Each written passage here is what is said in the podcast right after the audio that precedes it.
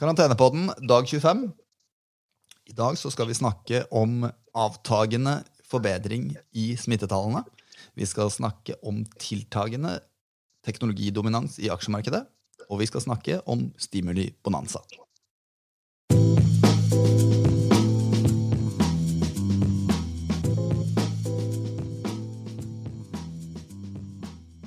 Er du med meg, Kristian? Det er jeg. God morgen. God morgen. Hva er siste nytt på smittefronten? Det siste er jo at uh, ting går fortsatt i riktig retning, men uh, retningen er ikke så tydelig uh, i, positiv retning som den har vært tidligere. og F.eks. Europa, hvis vi tar det først, generelt, så ser vi fortsatt bedring, men bedringen er i ferd med å avta. Og Det indikerer at denne R-raten, denne reproduksjonsraten, den er i ferd med å øke igjen. Og Tyske helsemyndigheter for eksempel, de sa på lørdag at eh, R-tallet i Tyskland hadde steget til 1,1. Eh, I Norge så ligger det fortsatt på 0,5-0,6. Eh, og Det betyr jo da at man er i faresonen for en eskalering av uh, smitte igjen. Spesielt med tanke på at man åpner opp uh, økonomien og tillater stadig større normalisering av den økonomiske aktiviteten. Uh, I USA så er det fortsatt svært moderat bedring. Den bedringen som er, er jo generelt knyttet til New York og det som har skjedd der. Mens veldig mange andre stater har fortsatt en stigende smittekurve. Samtidig som de er i ferd med å åpne opp eh, i den økonomiske aktiviteten etter påtrykk fra eh, bl.a.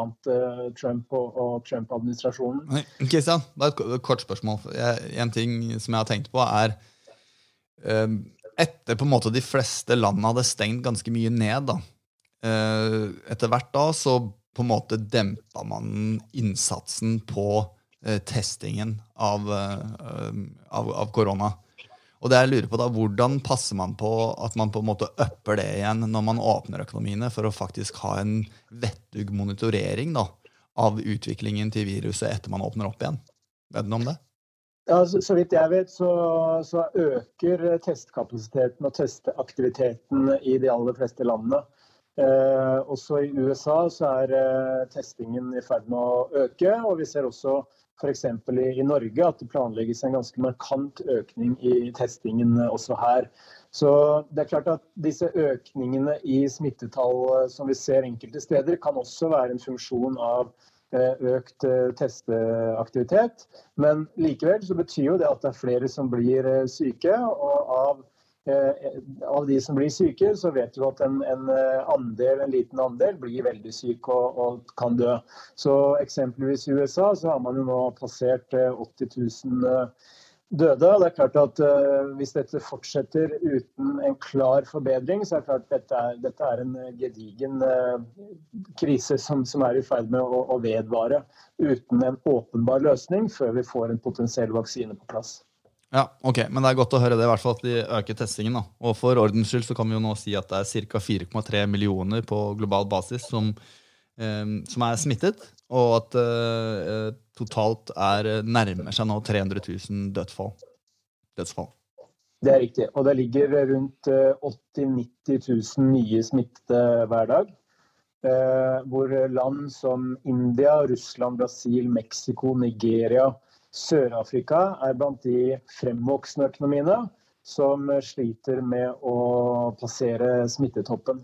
Eh, og vi ser I USA, hvis vi ser på smittetallene der, så har man nådd et eh, slags platå. Eh, ting stiger ikke like mye lenger, men man får heller ikke den, den, det, fallet i kurven som man, man ønsker å se i, i USA. Men treningssentrene de skal de åpne i Brasil? Ja, eh, han eh, Bolsonaro er jo en spesiell eh, type. Etter det jeg har sett, så er det vel en ganske høy andel altså, av befolkningen som ønsker å stille han for riksrett av forskjellige grunner, men også håndteringen av koronaviruset. Han har jo vært en, en benekter, slik Trump også var innledningsvis. Og han virker å ha en veldig spesiell tilnærming til, til, til, veldig mye. Så nyheten i dag morges som jeg fikk med meg, var jo at han ønsker å åpne opp bl.a. treningssenter igjen. Og det er jo, i hvert fall basert på det norske myndigheter sier, et av de aktivitetsområdene i økonomien med størst risiko for ytterligere smittespredning. Ja, Det er ikke bra. Er det noe annet vi trenger å oppsummere fra smitte før vi beveger oss over til aksjemarkedet? Vi kan jo bare nevne at uh, Kina uh, så en økning i, i antall uh, Har sett en økning i antall smittede. Samme har vi sett i, i Sør-Korea. Dette er jo land vi vet har hatt rimelig god kontroll på smitten. men f.eks. i Sør-Korea så er det et sånn nattklubbområde, som har sett et ganske markant utbrudd med eh, over 80 eh, smittede eh, utelukkende relatert til én person som har besøkt en av disse nattklubbene i, i Seoul. Det høres ikke bra ut. I min statistikk så står det bare at vi har 115 aktive tilfeller i Kina nå, men da stemmer kanskje ikke det? Det kommer litt an på uh, i hvilken grad de er registrert eller ikke nå. Men det er klart at de 79 som da ble identifisert i forhold til denne nattklubb-episoden isolert sett, eh, må jo være en del av den statistikken, må vi tro. Ja. Ok. Vi beveger oss over til markedet, Kristian.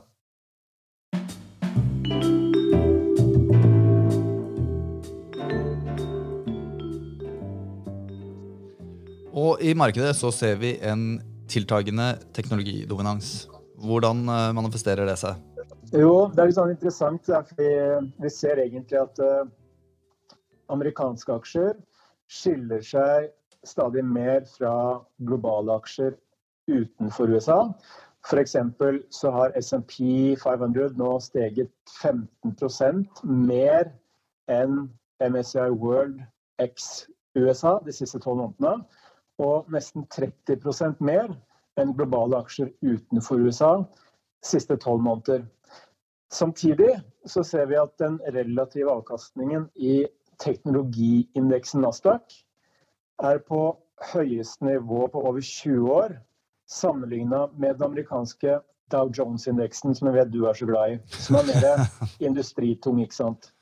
Og i denne teknologidominerte Nasdaq-indeksen så handles nå 95% av aksjene i Nasdaq-indeksen over sitt eget 50 dagers glidende gjennomsnitt. Og det er jo et sånn teknisk signal om at en veldig stor andel av aksjene i indeksen har gjort det ganske bra de siste 50 dagene. Og det er den høyeste andelen, altså 95% over eget 50 dagers glidende gjennomsnitt siden 2001. Hvorfor? Jo, det skyldes jo i stor grad at uh, investorene ønsker å være posisjonert i selskaper som har solide balanser, som uh, har gode inntjeningsutsikter, og som uh, likevel handles på en høyere multiple enn mange andre selskaper, men de er villige til å betale litt mer for aksjene, rett og slett fordi at dette er selskaper som vil kunne faktisk dra nytte av de endringene i økonomien som kommer i kjølvannet av koronakrisen. Og Da tenker jeg på såkalte stay at home-selskaper. altså eh, F.eks. Facebook, Netflix, Amazon, eh, Google. Alle disse selskapene her, Microsoft og Apple osv. Som egentlig drar nytte av de endringene i forbruksmønster som vi ser nå. Og mens finanssektoren, industrisektoren, energisektoren, som er typiske sykliske sektorer, som drar nytte av en økning i den økonomiske aktiviteten. Det er faktisk de svakeste sektorene globalt så langt i år, avkastningsmessig. Mens IT, informasjonsteknologi, telekommunikasjon og farmasisektoren er de beste. Ikke overraskende. Og, og, det som da er litt sånn morsomt for tallnerder, det er jo at i SMP 500 så utgjør disse tre sektorene, altså farmasi, IT og telekommunikasjon, utgjør nå 52% av indeksen, SMP 500. Og det er høyeste andel siden toppen av IT-bobla. Ja. Men med litt andre forutsetninger nå? Ja, det, det, er det. Fordi det som under IT-bobla ble ansett som risikable eh, IT-aksjer med veldig mye gjeld og liten inntjening, men fantastiske fremtidsutsikter. det er jo i dag selskaper med relativt lite gjeld, høye kontantreserver og veldig solid selskapsinntjening. I hvert fall enn så lenge. Ja, det er jo litt farlig å si 'this time it's different'. Vi vet jo alle hva det er eh, knytta opp mot. Men det virker jo i hvert fall som om eh, rammebetingelsene for disse selskapene er litt annerledes nå da, og kan bli eh, annerledes framover, med tanke på det som skjer med, med, denne pandemien her. Ja, og der kan jeg jo plugge, er det det heter i Oslo? Ja. Den siste markedskommentaren min, som man kan finne på danskebank.no slash makronytt eller Finansavisen på søndag, hvor jeg skriver om eh, disse digitale vinnernes eh, hegemoni. Og nå er jo ikke jeg sektoreksperten i, i banken, eh, men mine kolleger som er sektoreksperter, de tror jo at dette hegemoniet kommer til å fortsette. At selv om disse nå er liksom dominerende i markedet med tanke på avkastning, vi har en veldig høy markedskonsentrasjon, dvs. Si at aksjemarkedet generelt sjelden har vært så avhengig av utviklingen i så få selskaper, så ser vi liksom ikke noen grunn til at det her skal slutte med det første. Nei, Du er ingen IT-ingeniør, eh, men du skal ikke kimse av bredkurs i EDB heller. Skal vi bevege oss over til policy? Ja, jeg vil bare ta med en interessant ting også til som jeg, skal, som jeg driver og skriver i min eh, formiddagskommentar, som straks eh, skal sendes ut. Hvis vi ser på prisingen av SMP 500, så prises den nå på 20,5 ganger forventet inntjening neste tolv måneder. Og den PE-økningen som har kommet da fra bunnen i mars, hvor PE for SMP 500 var på litt under 13, og den er nå da på 20,5 ganger, ganske betydelig multiple ekspansjon, så er det et resultat av 31% kursoppgang, samtidig som EPS-forventningen basert på neste tolv månedene, har falt 17-18% og det som er interessant, det er at de siste 20 åra så har korrelasjonen mellom daglig endring i 12 måneders konsensus EPS-forventning, altså nevneren i denne brøken i PE-tallet Earnings per share. Ja, og daglig kursendring i SMP 500 vært på 0,92. Veldig nærme perfekt korrelasjon. Ja. Det er en helt sinnssykt høy korrelasjon. Og Det betyr jo at historisk, de siste 20 årene, hvis inntjeningsforventningene stiger, så har det vært en veldig god prediktiv indikator på at aksjekursen også skal stige. ikke sant? Og omvendt. Jo, brukte mye fancy ord, altså prediktiv. Forklaringskraft, med andre ord. Ja, men er forklaringskraft noe enklere? Mm, ja, det er enklere. Ja, det er kanskje det. Ja. Men poenget er at de siste ukene så har denne korrelasjonen egentlig vært negativ. Vi har sett at kursen har steget samtidig som inntjeningsforventningene har falt. Og det i mitt hode er en lite bærekraftig situasjon over tid. Fordi det er selskapsinntjeningen som bærer aksjekursene over tid. Og derfor så må enten aksjekursene ned, eller så må selskapsinntjeningen begynne å stige. Og enn så lenge så er det ingen tegn til at selskapsinntjeningen og forventningene er i ferd med å snu Eh, I hvert fall ikke for de kommende eh, månedene. Det er likevel veldig høye forventninger blant analytikerne i forhold til år 2021, altså neste år, hvor det forventes en inntjeningsvekst i USA på 26 mens det nå forventes en inntjeningsfall på nesten 19% for år 2020 isolert sett. Og Det som er interessant, det er at eh, det virker å være nærmest en perfekt symmetri i justeringene. Fordi det som nedjusteres i år, det oppjusteres for neste år.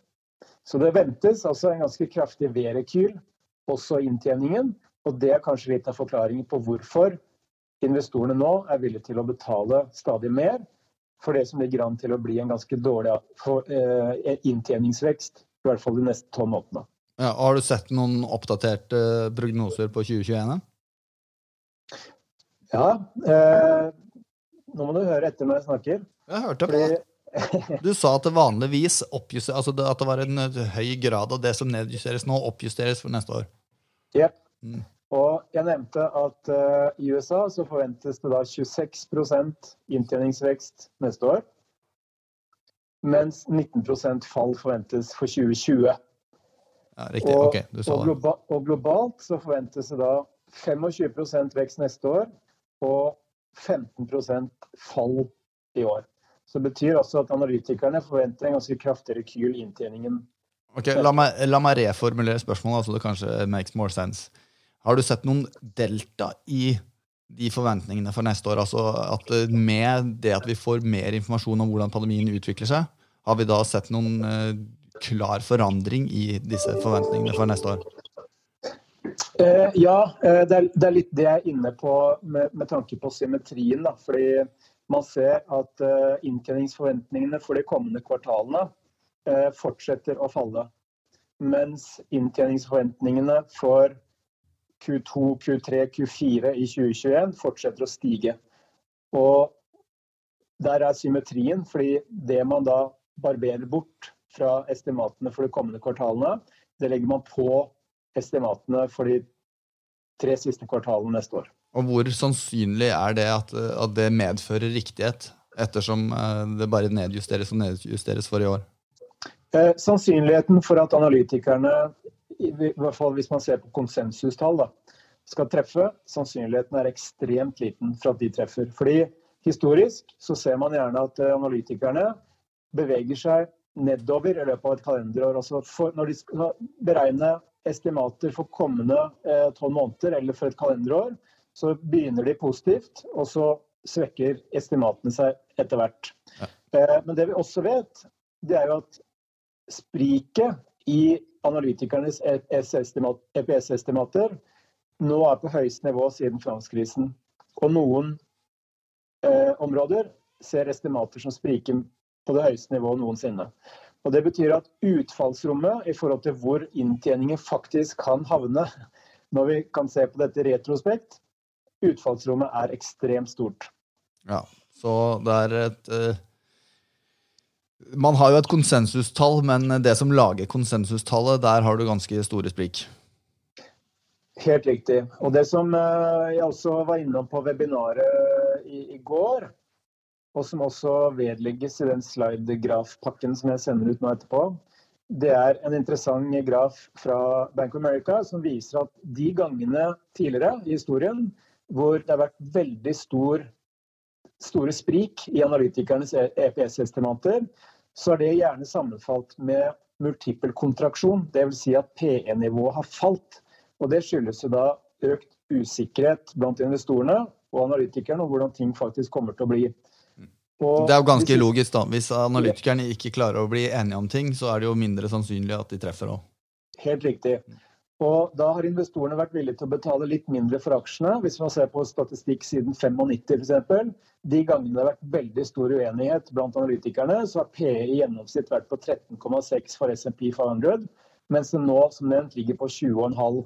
Eh, og Det betyr jo at dette er også et avvik fra det man har sett tidligere. Investorene virker tydeligvis å tro på at this time is different. Ok, Det var en fin uh fly-in for policy, for vi har stimuli-bonanza, og der har du noe tall, vet jeg. Ja, eh, til sammen så snakker vi nå om eh, rundt 15 eh, 000 milliarder dollar. Eh, det er ganske mye penger. Jeg tror ikke lottogevinsten har vært i nærheten av den noen gang heller. Selv ikke Vikinglotto. Eh, og dette er jo da fordelt både på pengepolitikk og finanspolitikk, hvor USA har vært desidert mest aktive.